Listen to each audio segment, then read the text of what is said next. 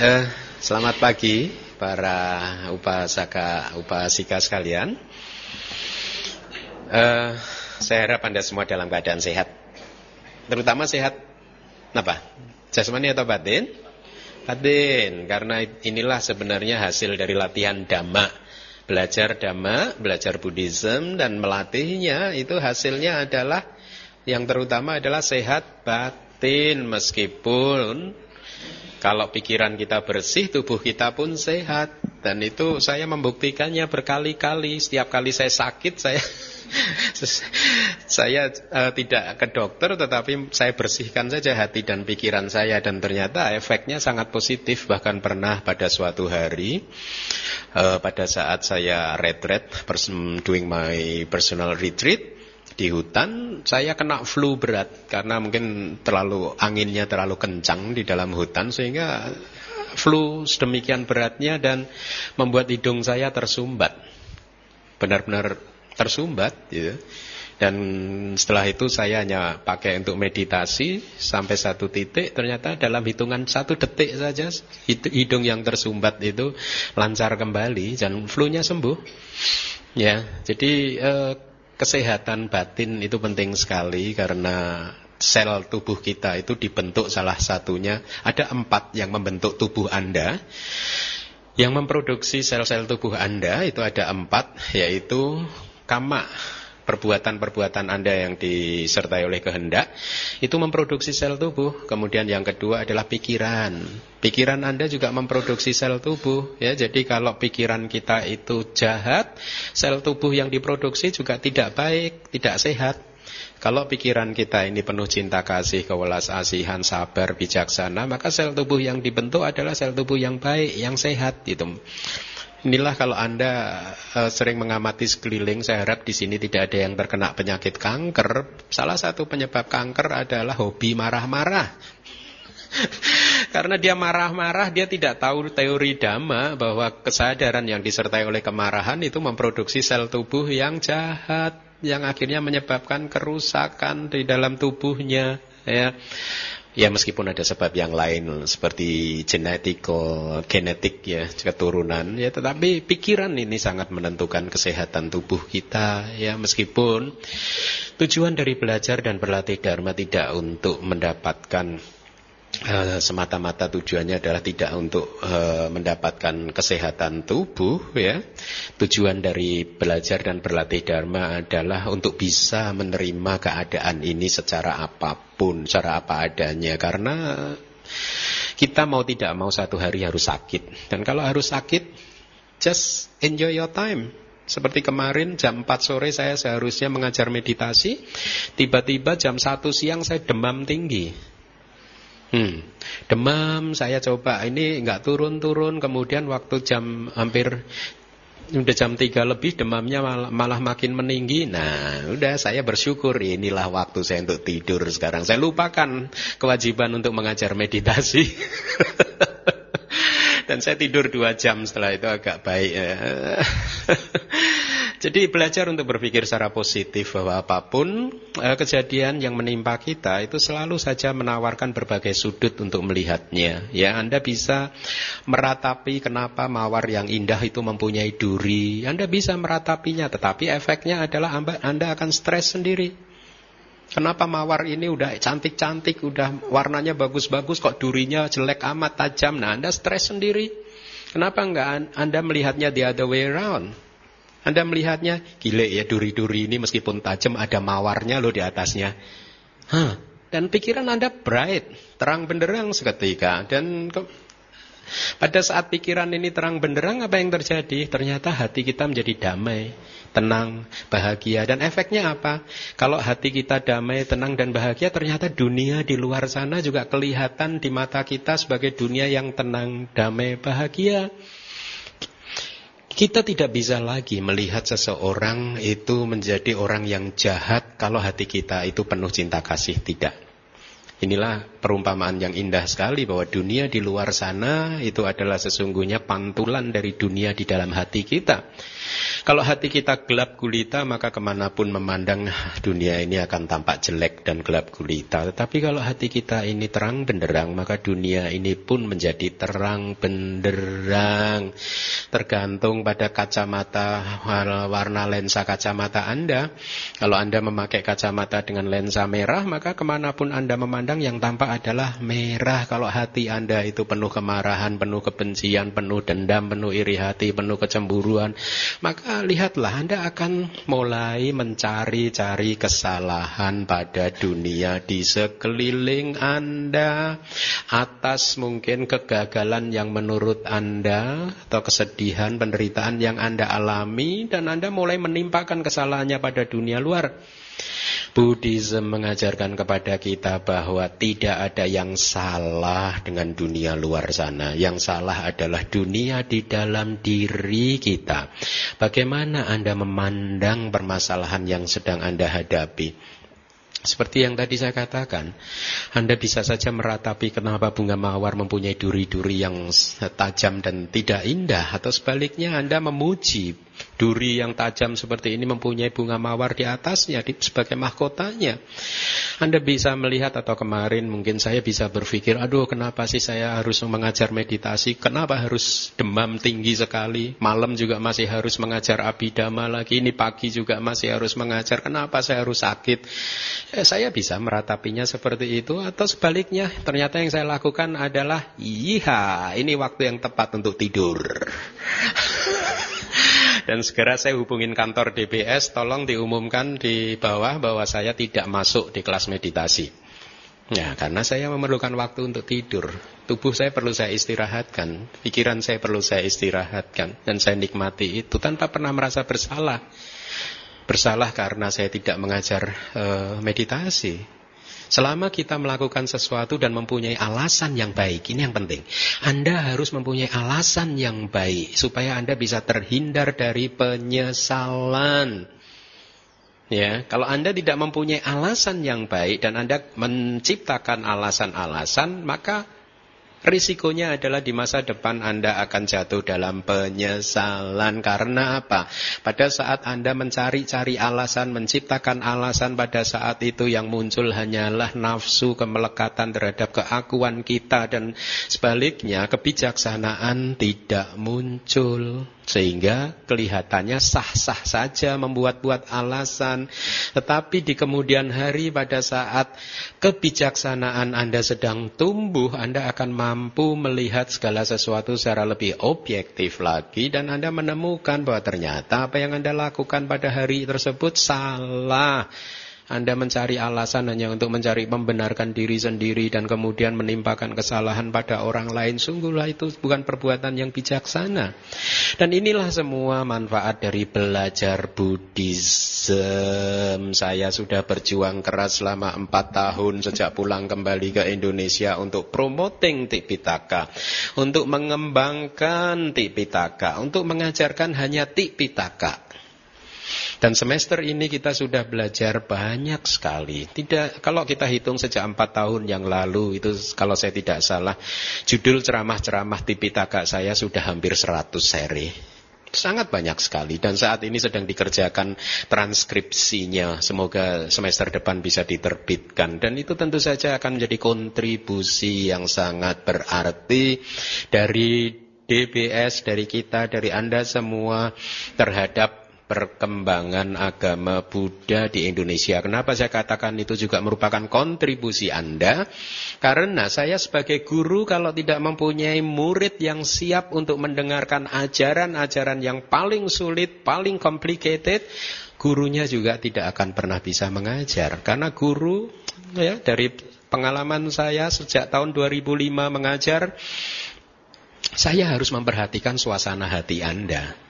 Dan setelah empat tahun ini saya merasa mendapat komunitas yang baik. Sehingga akhirnya kalau Anda lihat setiap hari Sabtu malam saya mengajar abidama yang sangat akademis seperti itu. Dan sudah lolos satu semester. Ya, dengan jumlah murid yang stabil. Ini satu-satu hal yang sangat mengembirakan. Nah semester ini kita juga sudah banyak sekali belajar. Saya tahu, saya sadar bahwa apa yang uh, kurikulum kita pada semester ini itu sangat rumit sekali. Ya, saya memilih topik yang sangat rumit, rumit yaitu 62 pandangan salah. Saya juga menyadari tentu Anda menemui kesulitan untuk memahami 62 pandangan salah tersebut. Tetapi 62 pandangan salah tersebut sangat penting untuk Anda pahami. Sangat penting untuk Anda benar-benar menguasai apa sih sebenarnya pesan dari 62 pandangan salah. Kita saat ini sama-sama berada di dalam perahu samsara yang sama ya mengembara di lautan samudra samsara yang penuh dengan penderitaan. Kita semua satu perahu. Sudah seharusnya kita saling tolong menolong ya karena hanya dengan tolong menolong inilah kita bisa semakin kuat untuk menempuh perjalanan yang sangat jauh ini. Kita sudah menempuh perjalanan di samudra samsara ini cukup jauh, cukup jauh. Banyak sekali perumpamaan yang dipakai oleh Buddha misalkan seandainya seluruh air mata kita yang sudah pernah kita tumpahkan di masa lalu ya pada saat menangisi seorang yang kita cintai meninggalkan kita dan lain sebagainya itu pun air mata itu pun Jumlahnya melebihi dari air di empat samudera raya. Seandainya tulang belulang kita di masa lalu itu kita kumpulkan, itu pun tingginya akan mencapai lebih tinggi dari gunung yang tertinggi yang ada di muka bumi ini. Dan di kesempatan lain Buddha mengatakan bahwa awal dari samsara, awal dari kehidupan kita sudah tidak bisa kita tentukan lagi. Tidak bisa kita temukan lagi. Kalau saat ini ilmuwan sudah menemukan Big Bang dan mereka menganggap Big Bang ini adalah awal dari alam semesta ini, terbentuknya alam semesta. Dan mereka confirm bahwa Big Bang ini muncul 10 pangkat berapa? Ya, triliunan tahun yang lalu. Ya. Itu satu Big Bang. Atau miliaran tahun yang lalu. 10 pangkat 14 atau berapa? Berapa berarti? Ya? Satu triliun kan? Kalau nggak salah 10 pangkat 14 tahun. Ya, Big Bang.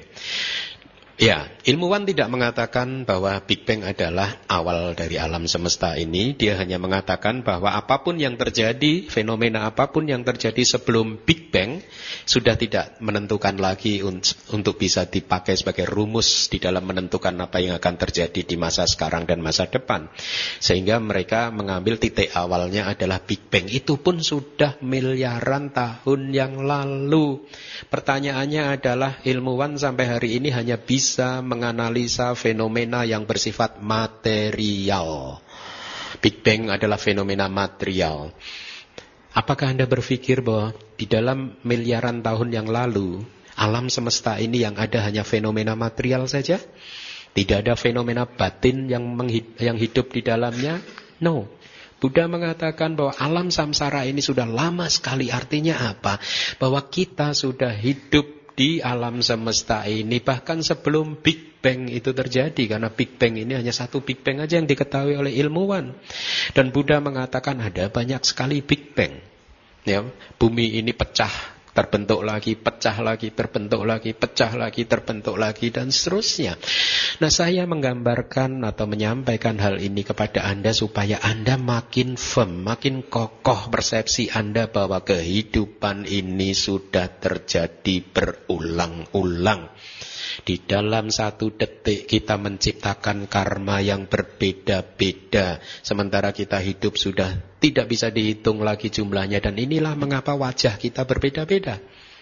Karena karma dan pikiran kita berbeda-beda yang memproduksi sel tubuh itu. Ya. Dan inilah mengapa juga nasib kita berbeda-beda. Karena karma kita karena pikiran-pikiran kita, karena kualitas-kualitas hati kita yang membuatnya kita mempunyai kualitas kehidupan yang berbeda. Nah, kita berada di dalam satu perahu yang sama. Perahu yang sedang mengarungi samudra samsara. kita menderita bersama-sama, kita mengalami kesulitan bersama-sama. Artinya apa? Bahwa kalau Anda mengalami kesulitan, anda sedih dan seperti itulah yang saya rasakan pada saat saya mengalami kesulitan. Jangan pernah menjadi atau jangan pernah berpikir bahwa Anda adalah makhluk spesial. Artinya makhluk spesial itu adalah kalau Anda Anda uh, berada dalam kesulitan maka Anda menderi, uh, Anda menderita. Tetapi Anda berpikir bahwa kalau orang lain berada dalam kesulitan, mereka tidak menderita. Sehingga akhirnya apa? Anda bebas untuk menimpakan penderitaan pada orang lain. No. Kalau Anda menderita pada saat mengalami hal-hal tertentu, orang lain pun juga akan mengalami hal yang sama. Ya. Kalau Anda menderita tidak punya uang, orang lain pun juga sama pada saat nggak punya uang dia menderita. Ya? Jangan merasa menjadi seorang yang spesial, yang berbeda dengan orang lain. Kita semua sama. Ya, Nah, oleh karena itulah kita harus saling meno tolong menolong. Tolong menolong dalam konteks untuk memberikan pemahaman yang benar terhadap samsara ini, terhadap kehidupan ini, ya. E, tolong menolong dalam artian membantu, saling membantu untuk menumbuhkan kebijaksanaan sehingga bisa lebih memahami kehidupan ini dengan baik. Kita sedang menempuh perjalanan spiritual bersama-sama, perjalanan spiritual untuk mengakhiri penderitaan, perjalanan spiritual untuk mengakhiri kelahiran dan kematian, ya. Tetapi di dalam perjalanan spiritual yang sudah sangat panjang yang sudah kita tempuh sampai hari ini, Sampai hari ini pun kita masih meraba-raba ke arah mana kita harus menuju, bagaimana kita harus menjalani kehidupan sehari-hari kita, jalan yang mana yang harus kita tempuh supaya saya bisa keluar dari lingkaran samsara ini. Jadi ibaratnya kita sedang melakukan perjalanan, oleh karena itu kita harus memastikan bahwa ada rumput liar, ada rintangan, ada hambatan yang akan kita temui di dalam perjalanan kita nanti di de ke depan nanti. Dan di dalam konteks ini Buddha mengajarkan ada banyak sekali rintangan, salah satunya adalah 62 pandangan salah. 62 pandangan salah bisa di ibaratkan sebagai rumput liar yang mengganggu perjalanan kita untuk keluar dari samsara, untuk sampai ke tujuan, untuk sampai ke pantai seberang Nibbana. 62 pandangan salah bisa diibaratkan sebagai rintangan yang akan kita temui di dalam perjalanan untuk bisa keluar dari samsara. Selama kita belum bisa menghilangkan 62 pandangan salah, maka ini artinya kita masih mempunyai pandangan yang salah dengan demikian, pandangan yang salah ini akan terus membuat kita lahir lagi, mati, lahir lagi, mati, lahir lagi. Karena pandangan salah tidak pernah membebaskan kita. Hanya pandangan yang benar saja yang akan membuat kita bisa mengakhiri kelahiran dan kematian. Untuk kemudian merealisasi nibbana. Nah perjalanan spiritual Dulu saya berpikir bahwa hanya saya saja yang menderita, tetapi penderitaan yang saya alami lebih dari 15 tahun yang lalu saat ini sudah mampu saya lihat dari sisi yang positif. Dalam artian kalau saya dulu tidak mengalami penderitaan seperti itu, maka belum tentu saya sekarang memakai jubah. Ya, sehingga saya harus berterima kasih pada penderitaan yang saya alami 20 tahun yang lalu. Bahwa ternyata dari penderitaan yang saya alami kemudian muncul pikiran untuk mencari solusi yang out of the box. Solusi yang tidak biasa, yang mungkin juga tidak terpikirkan oleh saya sebelumnya. Kehidupan buat saya selalu mengalir saja. Saya bertemu dengan Buddhism juga tidak direncanakan ya saya kemudian keluar negeri menjadi biku juga tidak saya rencanakan ya dulu pada saat saya karena Ya, saya belajar dari kehidupan. Ternyata banyak sekali sesuatu yang saya rencanakan itu tidak terwujud. Malah sesuatu yang tidak saya rencanakanlah yang terwujud. Dulu pada saat sudah menjadi biku, keputusan saya adalah saya ingin menjadi biku hutan. Tapi ternyata sekarang nggak bisa. Saya harus di sini untuk bertemu mengajar anda-anda semua. Nah, eh, penderitaan telah membuat saya seperti ini. Dan setelah saya pelajari banyak sekali buku-buku orang besar, tokoh-tokoh agama, ternyata ada satu ciri yang sama. Ciri yang sama adalah bahwa semua perjalanan spiritual itu selalu saja dimulai dengan realisasi bahwa kehidupan ini tidak memuaskan. Selama Anda masih menganggap bahwa kehidupan ini memuaskan Anda, maka Anda tidak akan berpikir out of the box. Selama Anda masih merasa fine-fine saja dengan kehidupan, maka Anda tidak akan berusaha untuk mencari sesuatu yang lain. Sesuatu yang lain itu artinya adalah bahwa ternyata kita ini bisa memurnikan hati dan pikiran kita.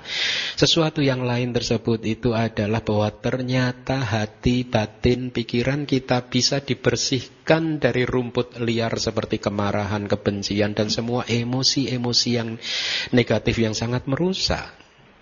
Ya, selama Anda masih merasakan bahwa kehidupan Anda baik-baik saja dan selama itu pula lah Anda tidak akan pernah mengalami batin yang murni. Oleh karena itu tadi saya katakan bahwa pencarian spiritual selalu saja dimulai dengan realisasi bahwa kehidupan tidak memuaskan. Realisasinya bisa dipicu oleh berbagai hal. Mungkin buat Anda dipicu oleh, eh ternyata setelah menjadi sarjana kehidupan bukannya menjadi lebih mudah. Eh ternyata setelah berkeluarga ternyata kehidupan bukan menjadi lebih mudah. ya. Saya pikir tadinya hidup kalau di, di, di, dipikul bersama suami dan istri jadi lebih ringan. Ternyata lebih berat. Malah jadi dua kali bebannya. dan Anda pun menyadarinya terlambat. Atau dan Anda pun terus menikmatinya. Karena Anda menikmatinya merasa fine-fine saja, Anda tidak mau mencari jalan keluar. Jadi semua perjalanan spiritual tokoh-tokoh besar dan uh, siapa pun itu, mereka selalu memulainya dengan mulai berpikir, merealisasi, eh ternyata kehidupan ini penuh dengan ancaman ya, tidak aman. Kehidupan ini ternyata tidak semudah yang saya pikirkan. Dan baru setelah itulah kita melakukan perjalanan spiritual. Tetapi perjalanan spiritual tidak semudah juga yang kita bayangkan. Kenapa? Karena di dalam Brahma Jala Sutta, pada saat Buddha menguraikan tentang 62 pandangan salah, bahkan mereka yang menguasai jana pun masih bisa mempunyai pandangan salah. Bahkan mereka yang menguasai abinya, kesaktian pun masih bisa mempunyai pandangan salah. Bayangkan. Mereka yang mempunyai kualitas meditasi yang sangat tinggi pun masih punya pandangan salah. Ya. Kalau kita refresh ingatan kita, memori kita tentang pelajaran semester ini, yaitu tentang 62 pandangan salah, lihatlah. Bahwa pandangan salah yang berjumlah 62 dibagi menjadi dua kelompok besar kan? Yaitu tentang masa lalu dan masa depan. Apa yang kita pahami dengan tentang masa lalu? Ya, Pandangan salah yang berdasarkan pada pengalaman kehidupan lampau itu muncul pada mereka yang menguasai jana. Mereka yang mampu melihat kehidupan masa lalunya. Mereka yang bahkan tidak hanya satu kehidupan, dua kehidupan saja, tetapi berkapa-kapa. Puluhan ribu kehidupan mereka mampu mengingatnya.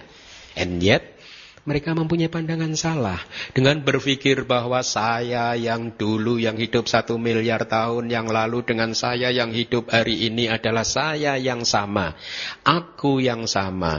Dunia yang sudah eksis sejak satu miliar tahun yang lalu dengan dunia saat ini adalah dunia yang sama. Maka Buddha menggunakan istilah ini wanja bahasa palinya mandul. Artinya mandul itu apa? Tidak memproduksi apa pun. Dunia ini tetap dari dulu sampai sekarang. Si aku ini juga tetap dari dulu sampai sekarang.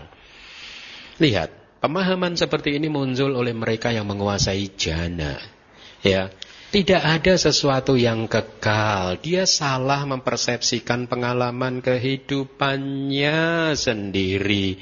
Jadi di dalam ceramah-ceramah atau kelas-kelas pariyati sasana yang lalu lihatlah bahwa bahkan mereka yang mempunyai pengalaman meditasi yang cukup tinggi pun bisa mempunyai pandangan yang salah atau mereka yang bisa melihat ke masa depan, yang mempunyai mata dewa. Dia bisa melihat satu makhluk meninggal dunia dan kemudian lahir di alam dewa tertentu dan kemudian tidak ada setelah itu karena dia tidak mampu melihat lebih jauh lagi. Sehingga kemudian dia mem memperkenalkan teori tentang pemusnahan bahwa ternyata setelah lahir di sini setelah itu hilang semuanya. Mata dewanya tidak mampu untuk melihat kehidupan ini secara objektif. Sehingga akhirnya apa? 62 pandangan salah tersebut kalau bisa dikelompokkan ke dalam dua kelompok besar, maka 62 pandangan salah itu masuk dalam kelompok yang satu tentang paham kekekalan, bahwa ada sesuatu yang kekal, bahwa kita ini kekal, atau bahwa, bahwa dewa tadi itu yang keblinger itu kekal, kita tidak kekal. Ya, ini pandangan salah. Memahami bahwa ada sesuatu yang kekal seperti itu pandangan salah dan sekali lagi pandangan salah mengikat kita pada samsara. Akhirnya membuat kita terlahir lagi, terlahir lagi karena pandangan salah menghalangi kita untuk menghancurkan kilesa atau kekotoran batin. Nanti akan saya uraikan bagaimana awal dari penghancuran kekotoran batin dimulai dari menghancurkan pandangan salah terlebih dahulu sehingga ibaratnya ini kartu domino, domino efek. Ada banyak sekali domi, ah, kartu domino yang berdiri. Begitu satu disentuh, yang lainnya ambruk juga. Begitu pandangan salah ini runtuh, yang lainnya juga akan runtuh secara bertahap dan secara alamiah prosesnya. Nah, 62 pandangan yang salah ini harus Anda pahami Tetapi kalau terlalu banyak Anda cukup memahami dua hal ini saja Ya ini apa? Pandangan salah atau paham tentang kekekalan Ini pandangan salah Kalau Anda berpikir ada yang kekal di dalam samsara Anda terjebak loh dalam pandangan salah Tidak ada yang kekal Ya, sama semuanya seperti kita. Ya. Kemudian paham yang kedua, kelompok yang kedua adalah paham tentang pemusnahan. Teori pemusnahan yang mengatakan bahwa setelah kehidupan ini sudah tidak ada lagi muncul karena ada seseorang yang mempunyai kesaktian tetapi dia hanya melihat bahwa tubuh atau kehidupan ini adalah fenomena material. Dan setelah tubuh ini mati, tidak berfungsi lagi, kembali lagi ke tanah, sudah tidak ada lagi kehidupan. Selesai, pemusnahan, musnah. Ini pun juga pandangan salah. Oleh karena itu Buddha kemudian melalui kebijaksanaannya langsung mengamati segala sesuatunya. Dia tidak mengambil dua ekstrim ini. Dia tidak mengambil paham tentang kekekalan. Dia juga tidak mengambil paham tentang pemusnahan. Dia mengambil jalan tengah bahwa ternyata kehidupan ini berputar-putar menurut hubungan sebab dan akibat dan kondisi-kondisi yang menyertainya. Selama masih ada sebab yang muncul yang belum berhasil kita lenyapkan, maka kelahiran dan penderitaan serta kematian akan terus terjadi. Dan sebab tersebut adalah kekotoran batin kita. Selama kita masih mempunyai kekotoran batin, maka selama itu pula lah kita akan terlahir. Selama itu pula lah kita akan terlahir. Apa saja kekotoran batin? Bagaimana mungkin kita bisa menghancurkan kekotoran batin kita? Kalau Anda tidak belajar dhamma, Anda tidak mengerti kekotoran batin itu apa. Anda tidak mengerti bagaimana cara menghancurkan kekotoran batin itu. Inilah mengapa kelas-kelas seperti ini, kelas pariyati yang terstruktur menjadi sangat bagus, sangat penting buat Anda. Karena paling tidak itu yang saya alami pada saat saya berada di Myanmar hanya belajar beberapa tahun tapi setelah lulus ternyata pandangan saya tentang the big picture of Buddhism jadi kokoh sekali, jadi bagus sekali. Kenapa seperti itu? Karena saya belajarnya secara terstruktur dan Anda pun juga saya ingin berbagi hasil kebahagiaan seperti itu dengan harapan Anda pun juga bisa mengalami seperti apa yang saya alami. Ya, dengan terus belajar Anda meningkatkan pengetahuan-pengetahuan Anda termasuk Anda mulai bisa mengenali kekotoran batin Anda. Banyak sekali manusia yang tidak paham dengan kekotoran batin mereka. Mereka mengatakan bahwa sah-sah saja mempunyai kekotoran batin. Mereka mengatakan sudah dari sononya saya lahir ini kotor. Sehingga nggak perlu lagi berusaha untuk memurnikan hati dan pikiran ini. Karena memang sudah bawaan dari lahir. Sudah dari asalnya, dari sononya kita ini udah penuh dengan kesalahan, penuh dengan dosa, penuh dengan kekotoran batin. Akhirnya mereka tidak melakukan usaha apa pun. Dan setiap hariannya berdoa, tolong, tolong, tolong. Jauhkan saya dari penderitaan, tolong. Jauhkan saya dari kesulitan, tolong. Jauhkan saya dari penyakit. Mana yang lebih baik? senantiasa mengharapkan pertolongan untuk terbebas dari penderitaan atau membangun kebijaksanaan untuk bisa tersenyum pada saat penderitaan itu datang? Mana yang lebih baik? Hmm? Yang lebih baik adalah mengembangkan kebijaksanaan sehingga pada saat penderitaan datang kita tersenyum. Woi, kamu datang juga akhirnya. Udah saya tunggu-tunggu loh sejak lama. Kamu gak datang-datang. Makanya heran juga kemarin hidup setahun kok happy-happy terus. Kok kamu gak datang-datang. Akhirnya datang juga. Welcome. Hmm? Kayak kemarin. Eh lama saya gak sakit. Tiba-tiba kemarin demam. Ah, welcome. Tidur. Hah? Mana yang lebih baik? Lebih baik kita mengembangkan kebijaksanaan untuk menerima semua kesulitan-kesulitan tersebut dengan lapang dada. Bukan untuk menghindari kesulitan karena itu mustahil.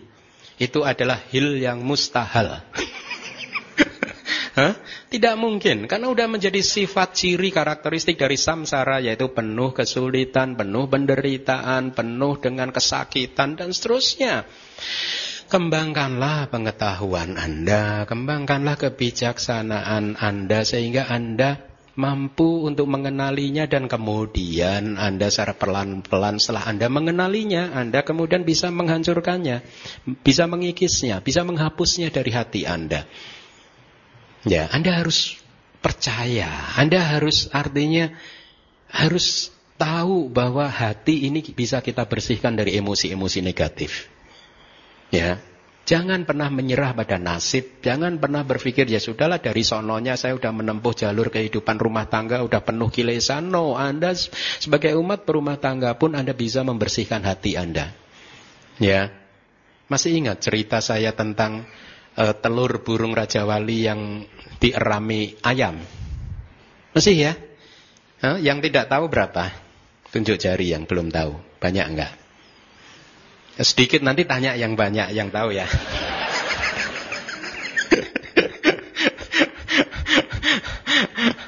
Oke, saya ulangin sebentar. Izinkan saya mengulanginya. Pada suatu hari, ada seekor telur burung Raja Wali jatuh ke semak belukar. Si induk burung Raja Wali tersebut tidak bertanggung jawab terhadap telurnya. Dan kemudian dia tinggalkan dan dia terbang hilang, tidak mengurusi uh, apa ngurusin telur tersebut. Sampai pada suatu hari ada seekor ayam betina menemukan telur tersebut dan out of compassion karena kewelas asihannya dia mengerami telur burung raja wali tersebut sampai pada waktunya tiba akhirnya burung telur tersebut menetas. Dia menetas menghasilkan anak burung raja wali. Ya. Dan sang mama karena cinta kasih dan kewelas asihannya terhadap burung raja wali tersebut senantiasa memberikan kasih sayangnya dengan memberi makanan, mengajarinya bercakap-cakap, mengajarinya e, bersosialisasi dengan teman-teman ayam yang lain. Dan singkat cerita, si anak Raja Wali tersebut hidup di lingkungan dunia ayam. Bertahun, setelah satu tahun berlalu dia sudah menjadi cukup besar. Setiap hari dia hidup sebagai seekor ayam. Setiap hari dia cari makan seperti teman-temannya ayam yang lain. Sampai suatu hari dia mendongak ke atas. Dia melihat ada sekumpulan burung Raja Wali gagah perkasa terbang tinggi di angkasa sana. Di atas sana. Dan dia pun ingin menjadi seperti mereka. Dia hanya bisa meratapi nasibnya dan dengan sedihnya dia berkata kepada mamahnya induk ayam, "Mama, siapakah mereka?" "Halo."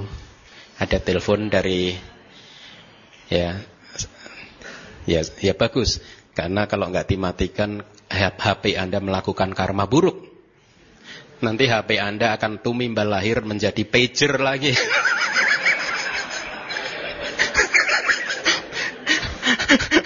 Capek deh kalau jadi pager. Anda ingat pager ya? Nah itu nah, makanya HP-nya dimatiin semua daripada nanti pulang rumah tuh mimbal lahir reinkarnasi jadi pager Anda malah HP mahal-mahal berubah jadi pager karena karma buruk. Mengganggu damatok, eh, melakukan karma yang sangat buruk. nah, saya ulangi lagi. Si burung Raja Wali tadi meratapi nasibnya dan mengeluhkannya uh, kepada mamahnya. Mamah, siapakah mereka yang terbang tinggi di atas sana dengan warna yang hitam legam? Gagah sekali ya, mah. Saya ingin seperti mereka. Mamanya menjawab, mereka adalah burung Raja Wali. Kamu adalah ayam. Jangan memimpikan untuk menjadi seperti mereka. Sudah menjadi takdir kita bahwa kita tidak bisa terbang. Dan akhirnya apa?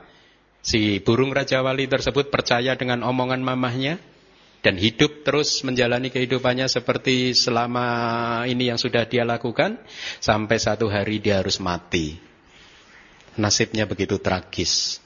Seekor burung Raja Wali mati sebagai ayam. Tanpa pernah bisa menyadari bahwa sesungguhnya dia bisa terbang tinggi ke, ke, ke angkasa sana. Betapa banyak manusia yang mati sebagai seekor ayam. Tanpa pernah bisa menyadari, paham bahwa sesungguhnya hati kita bisa dimurnikan. Bebas dari keserakahan, kemarahan, kebencian, dan semua emosi-emosi yang negatif. Anda adalah burung Raja Wali. Anda bukan ayam. Sadarilah bahwa Anda burung Raja Wali. Anda bisa menghancurkan kilesa-kilesa Anda, kekotoran batin Anda. Anda bisa terbang tinggi jauh di angkasa sana. Oleh karena itulah untuk kembali lagi, bagaimana kita bisa menjadi seorang atau seekor burung Raja Wali? Caranya adalah dengan memahami dan melatih Dhamma, ajaran Buddha. Nah, Tadi saya katakan, selama kita masih mempunyai kekotoran batin, maka selama itu pula kita akan terlahir, meninggal dunia, terlahir lagi, meninggal dunia, terlahir lagi, meninggal dunia. Proses ini akan terus kita alami. Kalau kita tidak ingin terlahir lagi setelah kematian, maka apa yang harus kita lakukan? Menghancurkan kilesa-kilesa kita. Ada banyak sekali kilesa, tetapi seperti kartu domino efek yang saya tadi katakan dengan menyentuh satu saja kartu maka kartu yang lain akan runtuh pada saatnya. Kartu mana yang kita sentuh? Yang kita sentuh adalah kartu tentang keakuan kita. Kita sudah sekian tahun mungkin sejak lahir atau bahkan dari kehidupan-kehidupan yang lalu kita mempunyai persepsi bahwa ada roh yang kekal yang berpindah-pindah dari satu kehidupan ke kehidupan yang lain. Ada nyawa, ada identitas diri bahwa saya adalah Asin Keminda. Asin Keminda yang lahir 49 tahun yang lalu dengan yang sekarang adalah pribadi yang sama Inilah yang disebut sebagai keakuan, paham tentang keakuan yang kekal. Inilah sumber penyakit kita. Kalau Anda sudah berhasil menyentuh keakuan Anda, meruntuhkan keakuan Anda, maka efeknya adalah kilesa-kilesa yang lain akan runtuh seiring berjalannya waktu. Keakuan pada saat kita mempercayai ada identitas yang disebut si aku tadi, wujud yang kekal, yang tidak berubah-ubah, entah apa pun itu orang memberinya nama, bisa saja diberi nama roh, bisa saja diberi nama jiwa, bisa saja diberi nama apa pun yang kekal abadi. Maka efeknya apa? Akan menjadi ada ja, apa garis pembatas bahwa wilayah ini adalah milik milikku, wilayah di luar ini adalah bukan milikku. Sehingga efeknya lagi apa? Efeknya adalah saya harus menjaga, mengamankan segala sesuatu yang menjadi milikku dan saya tidak peduli dengan apa pun yang men, bukan menjadi milikku. Ini suamiku, dia istri Anda. Dia anak Anda, ini rumahku, ini harta kekayaanku. Lihatlah apa yang terjadi. Kita akan mengeluarkan segenap daya upaya untuk mengamankan apa pun yang menjadi milikku tersebut. Dan kemudian kita tidak ada kepedulian terhadap apa pun yang menjadi milik orang lain. Ya, saya akan memberi contoh yang gamblang. Pada saat, uh, katakanlah saat ini, saya meminta Anda untuk uh, action marah-marah. Ya, coba Anda action marah-marah. Kira-kira mudah nggak? Sulit. Sulit. Betul ya? Sulit ya? Tetapi cerita akan menjadi lain pada saat saya maaf memarahi Anda. Cerita akan menjadi lain pada saat saya maaf ini maaf, mungkin mengata-ngatai Anda dengan kata-kata kasar. Ya. Anda bla bla bla bla. Nah, anda tidak membutuhkan waktu yang lama loh untuk action marah pada saat itu. Langsung Anda meledak. Hah? Kenapa hal ini terjadi?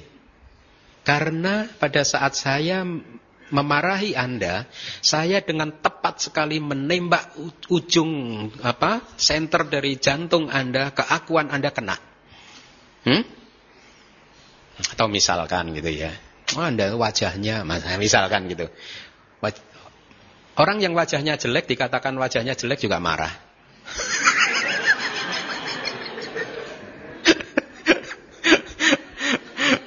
Betul nggak? Ya.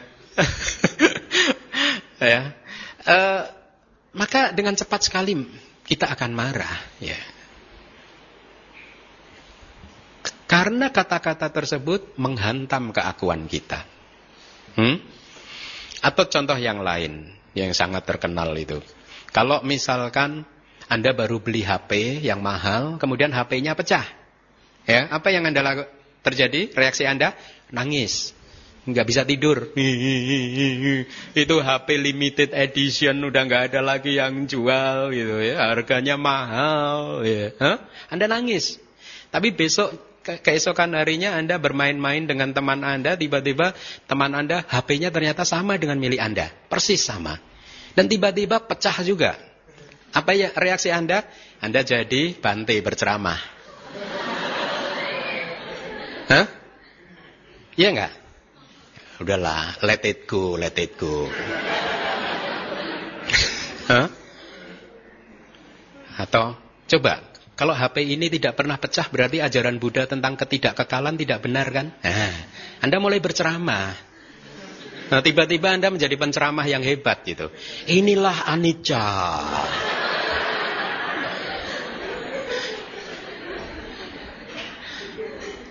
Kenapa berbeda?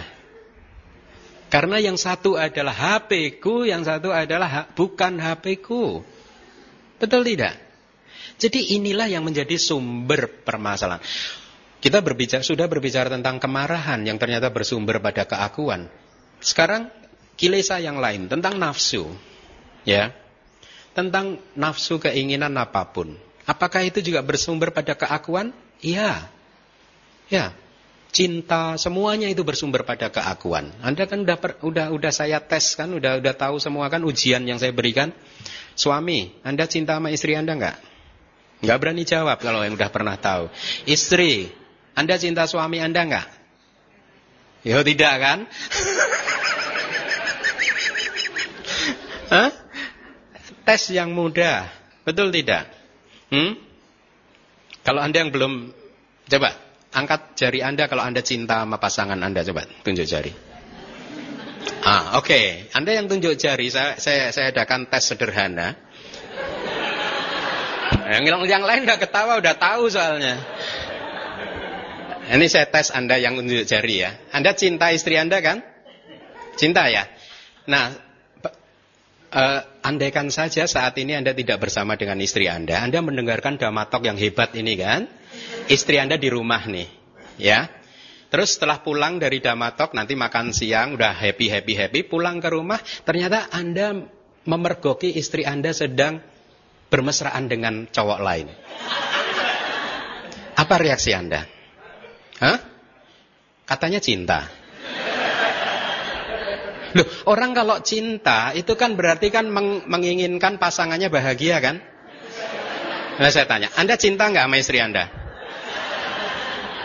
Eh, enggak jawab yang tadi tunjuk jari. Anda cinta nggak? Hah? Cinta nggak sama istri? Cinta ya? Pengen istrinya bahagia nggak? Pengen ya? Nah itu lagi bermesraan dengan cowok lain tuh dia sedang bahagia, kenapa Anda ganggu?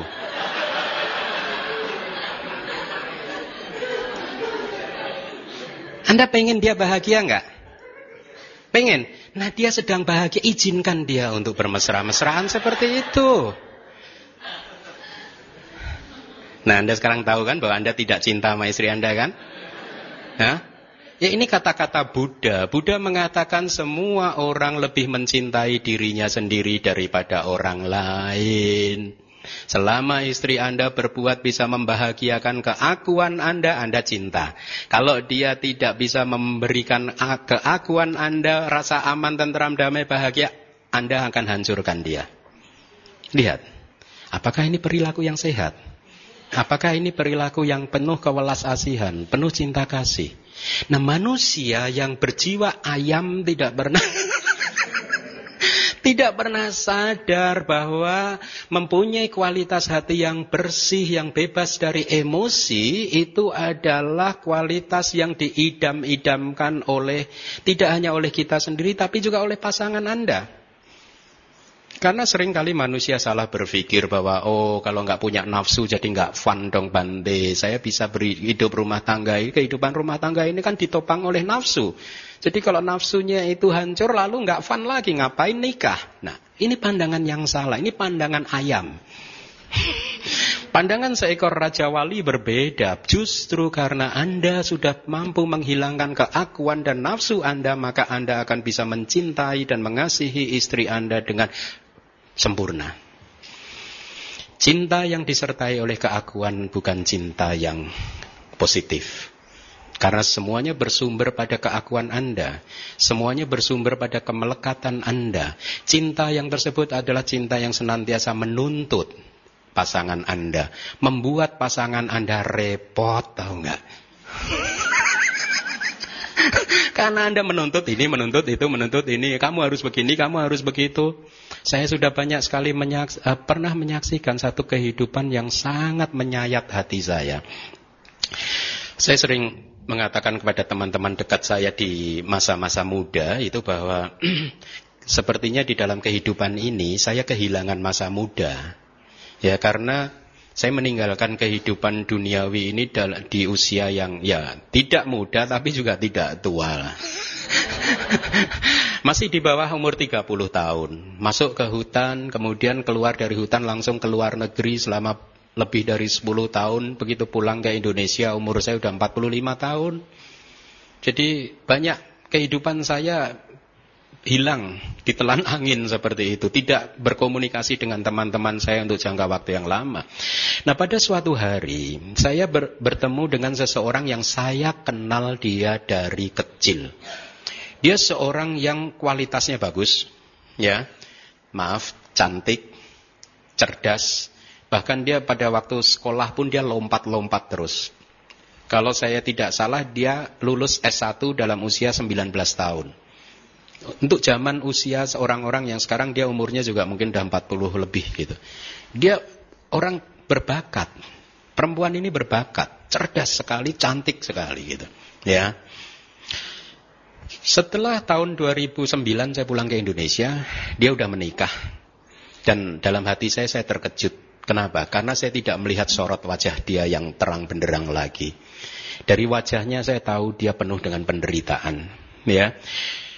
Dari kemudian saya semakin terkejut lagi pada saat saya diundang menginap di rumah dia. Dia tidak mempunyai kehidupan yang cukup bagus. Secara ekonomi dia tidak cukup bagus. Dan kemudian saya sadar, inilah yang membuat dia kehilangan sorot mata yang terang benderang seperti yang saya lihat dari kecil dulu.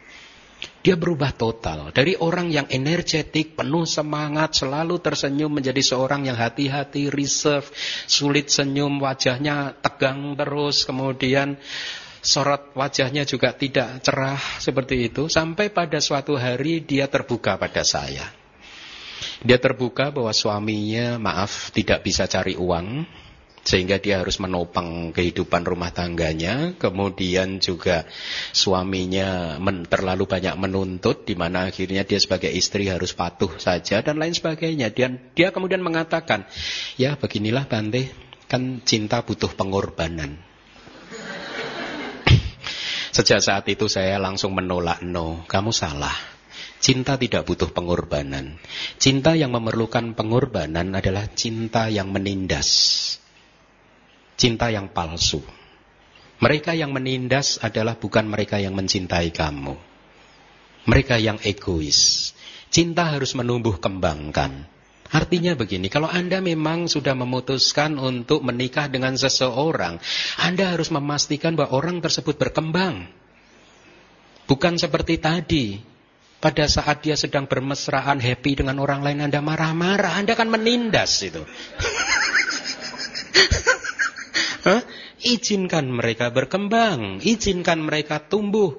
Ini komitmen dari orang yang berumah tangga. Anda jangan terlalu menuntut pasangan lain harus uh, memenuhi standar Anda dan lain sebagainya. Karena masing-masing lahir dari karmanya sendiri dan seterusnya. Pasangan Anda ibaratnya adalah bunga melati, jangan paksa dia untuk menjadi bunga mawar. Pasti dia akan bingung. Ya, Pasangan Anda adalah burung Raja Wali, jangan paksa dia menjadi seekor ayam. Hmm?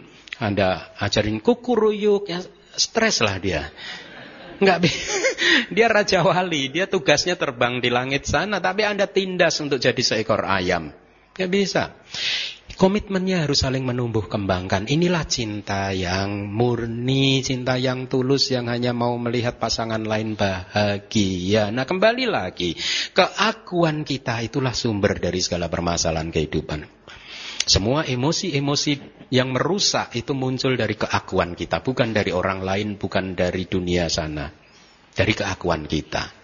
Lalu perjalanan spiritual setelah kita tahu sumber penyakitnya adalah keakuan kita, Lalu apa yang harus kita lakukan? Buddhism mengajarkan kepada kita untuk mengembangkan kebijaksanaan untuk mencari apakah benar ada yang disebut aku tersebut. Anda harus mencarinya. Bagaimana mencarinya? Bermeditasi.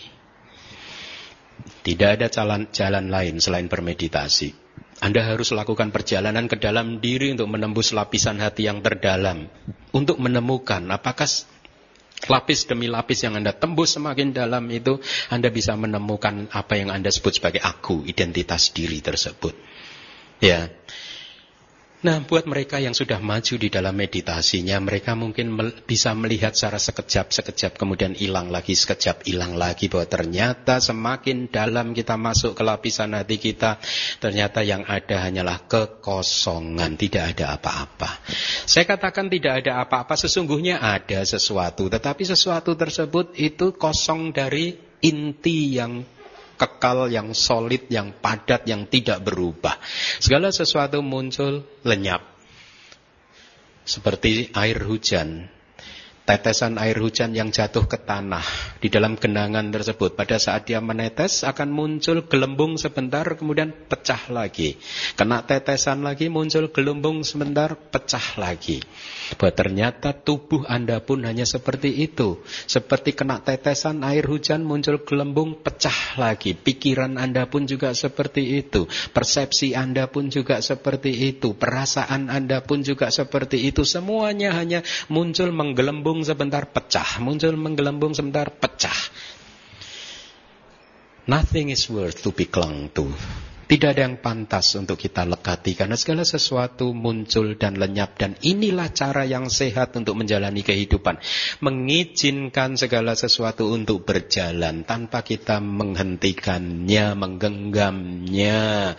Karena sesungguhnya apa yang terjadi pada saat Anda menderita karena Anda mencoba mempengaruhi fenomena yang muncul menggelembung sebentar pecah tersebut, ya pada saat dia pecah, Anda berkhayal, jangan pecah. Dan Anda hidup dalam khayalan Anda. Anda genggam terus pengalaman yang sudah tidak eksis itu.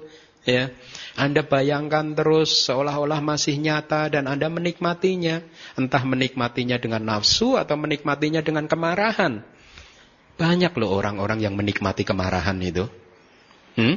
Anda mungkin nggak pernah berpikir bahwa mungkin Anda termasuk orang yang sangat menikmati kemarahan. Nggak percaya? Coba saya. Anda pernah menyimpan kemarahan selama sat, tujuh hari nggak satu minggu? Marah sama orang dan Anda simpan selama tujuh hari gitu. Hmm? Anda tidak maafkan dia selama tujuh hari. Pernah kan? Jangan bohong. Pernah semua. Pasti pernah. Kalau yang nggak apa, yang nggak setuju angkat tangan. Nggak ada kan? Kenapa Anda menyimpan kemarahan selama tujuh hari? Karena Anda menikmatinya. Hah? Anda nggak jijik dengan kemarahan, sehingga Anda nikmati, Anda simpan terus dalam kulkas Anda. Ya. Anda freeze, Anda bekukan di dalam kulkas hati Anda. Dan Anda anggap itu pengalaman nyata. Orang yang telah membuat Anda menderita tujuh hari yang lalu adalah orang yang sama dengan uh, yang hari ini. Inilah sifat dari dendam. Anda selalu menganggap orang yang menyakiti Anda adalah orang yang sama. Orang yang kekal. Dan ini adalah pandangan salah. Pandangan salah tentang keakuan lagi. Karena keakuan Anda kena oleh orang tersebut. Ya. Nah, kita investigasi apakah benar ada yang disebut aku tersebut. Ya, ada di mana aku tersebut. Dan dengan meditasi semuanya kelihatan bahwa sesungguhnya apa yang disebut aku ini hanyalah fenomena alamiah antara fenomena tubuh jasmani dan fenomena batin. Keduanya hanya seperti gelembung tetesan hujan tadi, menggelembung sebentar pecah, menggelembung sebentar pecah. Ya. Tetapi karena kita sudah hidup selama bermiliar-miliar tahun dan selama ini pula kita membangun satu persepsi bahwa ada si aku yang hidup selama itu, ya. Maka untuk bisa membuktikan hal ini akan membutuhkan perjuangan yang sangat panjang dengan bimbingan guru Anda, dengan bimbingan dari pengetahuan dhamma, teori dhamma yang sudah Anda pelajari sampai sejauh ini, ya, Anda harus mempunyai tekad yang kuat untuk bisa menemukan apakah benar ada si aku. Anda tidak membutuhkan pemberitahuan guru bahwa tidak ada aku, karena pemberitahuan dari orang lain tidak akan pernah mencerahkan Anda. Hanya penemuan Anda sendirilah yang nanti akan mencerahkan Anda. Detik ini Anda menemukan fakta bahwa ternyata semua semua hanya anicca, muncul, hilang, muncul, hilang, tidak ada si aku. Detik berikutnya cara pandang Anda terhadap kehidupan berubah. Anda lebih bisa mencintai pasangan Anda. Anda lebih compassionate, penuh kewelas asihan. Anda sab menjadi orang yang makin sabar, makin bisa menerima apa pun apa adanya, makin bijaksana, makin bisa memberikan ketenangan, kedamaian kepada orang yang berada di dekat Anda. Dan hidup Anda pun menjadi semakin positif. Sangat menarik sekali bagaimana pandangan seseorang terhadap kehidupan bisa berubah hanya dalam hitungan detik saja. Detik ini Anda mendapatkan sesuatu kenyataan bahwa tidak ada aku, detik berikutnya Anda berubah. Tidak membutuhkan waktu yang lama. Anda berubah. Dan perubahan itu akan menjadi semakin positif, semakin positif karena efek dari kartu domino tadi. Kekotoran batin yang lain mulai jatuh, jatuh, hancur, hancur, hancur. Nah kita masih menganggap ada aku karena kita melihatnya dari jauh. Karena Anda melihatnya dari jauh. Anda tidak pernah melakukan perjalanan mendekati keakuan tadi untuk dicari sesungguhnya ada tidak si aku tadi. Seperti halnya seseorang yang naik pesawat terbang. Anda semua pernah melihat keluar jendela. Pada saat Anda melihat gumpalan awan, yang Anda lihat adalah seperti gumpalan apa? Kapas. Betul tidak? Anda akan melihatnya kapas tersebut sebagai bentuk yang solid, yang padat. Inilah mengapa cerita-cerita pewayangan di masa lalu. Anda tahu nggak Raden Gatot Kaca itu? Kalau Anda tahu cerita pewayangan Gatot Kaca itu di wayang yang bisa terbang. Kalau dia lagi galau, lagi perang galau, dia akan naik ke langit dan kemudian akan tiduran di awan. Karena dideskripsikan sebagai kasur yang kapasnya putih, keperak-perakan dan seterusnya. Nah ini kan pandangan dalang yang tidak mengikuti perkembangan zaman. Dia pikir awan itu seperti kasur. Hmm? Tapi kita semua sekarang tahu kan bahwa awan tersebut ternyata tidak ada wujudnya, tidak ada wujud yang solid. Pada saat pesawat yang kita tumpangi itu menembus awan tersebut tidak ada apa-apa. Kosong. Atau seperti kabut. Kalau Anda melihat kabut ya karena kalau saya tinggal di puncak itu sering suka e, bertemu dengan kabut. Kalau kita melihatnya dari jauh, seolah-olah kabut tersebut wujud yang nyata. Ya, tetapi apakah benar bahwa kabut itu wujud yang nyata? Karena begitu Anda dekati, Anda terobos ternyata kosong. Tidak ada wujud yang solid, yang padat. Demikian pula dengan fenomena batin dan juga fenomena jasmani ini. Kalau Anda tembus melakukan perjalanan masuk ke dalam hati Anda, maka yang Anda temui hanyalah kekosongan.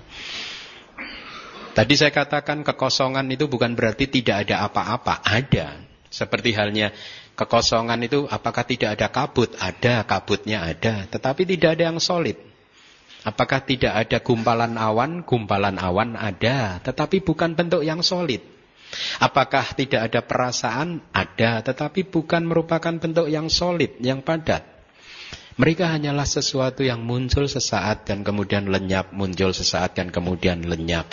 Nah, dengan mengembangkan samadhi, dengan mengembangkan konsentrasi melalui meditasi, Anda bisa mulai melihat bahwa segala sesuatu hanyalah muncul, lenyap, muncul, lenyap. Benda yang solid tersebut tiba-tiba meleleh pada saat terkena sinar kebijaksanaan Anda. Seperti halnya mungkin apa es yang membeku tiba-tiba dia meleleh, mencair pada saat terkena sinar matahari.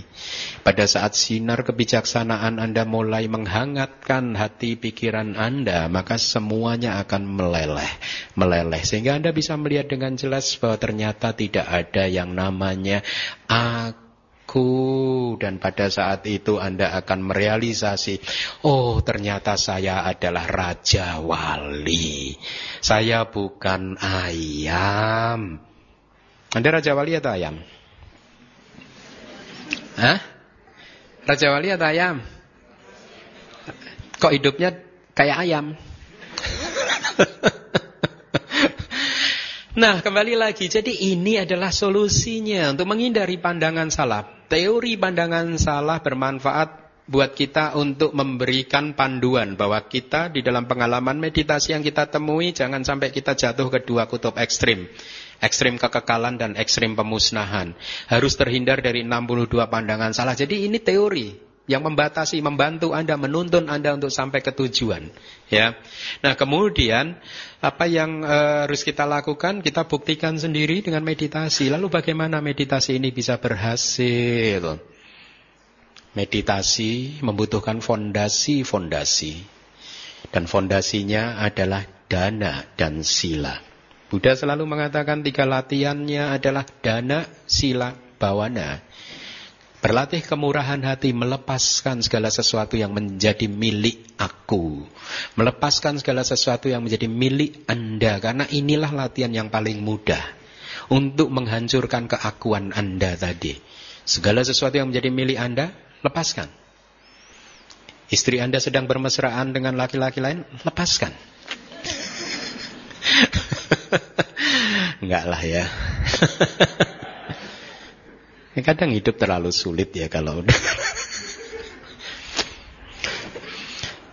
Dana, kemurahan hati, ya, adalah latihan yang paling fundamental di dalam Buddhism yang diajarkan oleh Buddha, ya, karena ini adalah latihan yang paling mudah dibandingkan latihan sila, ya.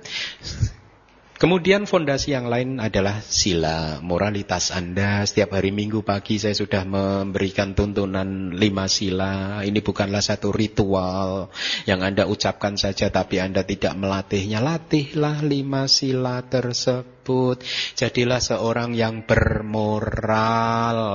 Ya, mematuhi eh, latihan-latihan moralitas Buddhis. Ya, hanya lima saja kok. Sedikit kan? Hmm? Atau mau di ini? Mau diperas lagi? Lima masih kebanyakan? Hah? Ya udah saya saya rubah jadi dua aja ya. Mau? Kalau lima kebanyakan diganti dua. Apa itu dua? Malu untuk berbuat jahat dan takut untuk berbuat jahat, takut akan risikonya. Ringan kan? Oh, dua masih kebanyakan Bante. Satu aja, boleh. Satu sila buat Anda. Jangan menyakiti makhluk lain. Jangan. Jangan membunuh makhluk lain. Jangan mencuri makhluk lain. Jangan menyakiti istri Anda dengan selingkuh dan lain sebagainya. Jangan berbohong karena berbohong adalah menyakiti orang lain, merusak fakta.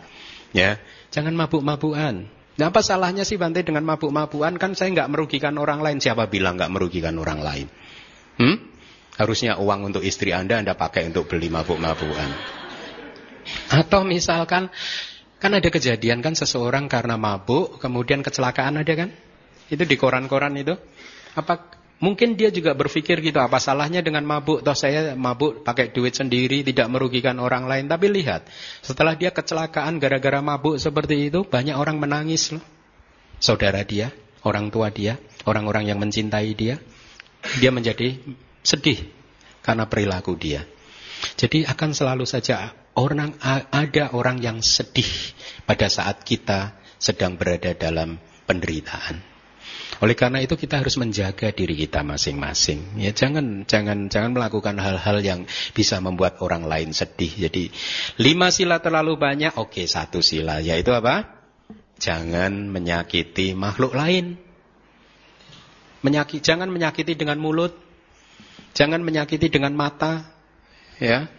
Jangan menyakiti dengan tubuh kita. Karena mata kadang lebih menyakitkan daripada kata-kata kan. Kalau Anda udah melotot gitu kan. ya. Jadi membangun jiwa, membangun hati yang penuh cinta kasih, penuh kewelas kasihan, penuh kemurahan hati yang dengan tangan terbuka siap bersedia menolong orang lain. Dengan demikian kita menjadi penumpang perahu samsara yang saling menolong. Dan pada saat Anda sudah membuktikan bahwa ternyata tidak ada aku, maka kartu domino yang lain akan runtuh. Keserakahan Anda akan perlahan-lahan lenyap, kemarahan Anda pun demikian, dan semua emosi-emosi yang negatif perlahan-lahan mulai melemah, melemah, jarang muncul, jarang muncul, melemah lagi, jarang muncul, melemah, sampai akhirnya tidak muncul sama sekali. Anda berubah menjadi seorang arahat. Seorang arahat yang bisa mengatakan katang yang dan what should bidan. Wusitang brahmacaryang, kehidupan suci telah dijalani. Ya. Dengan demikian sudah tidak ada lagi kelahiran setelah ini. Tugas kita selesai, latihan kita selesai dan kita keluar dari samsara. Kita merealisasi nibbana di mana sudah tidak ada kelahiran, kematian dan penderitaan lagi. Baik, terima kasih.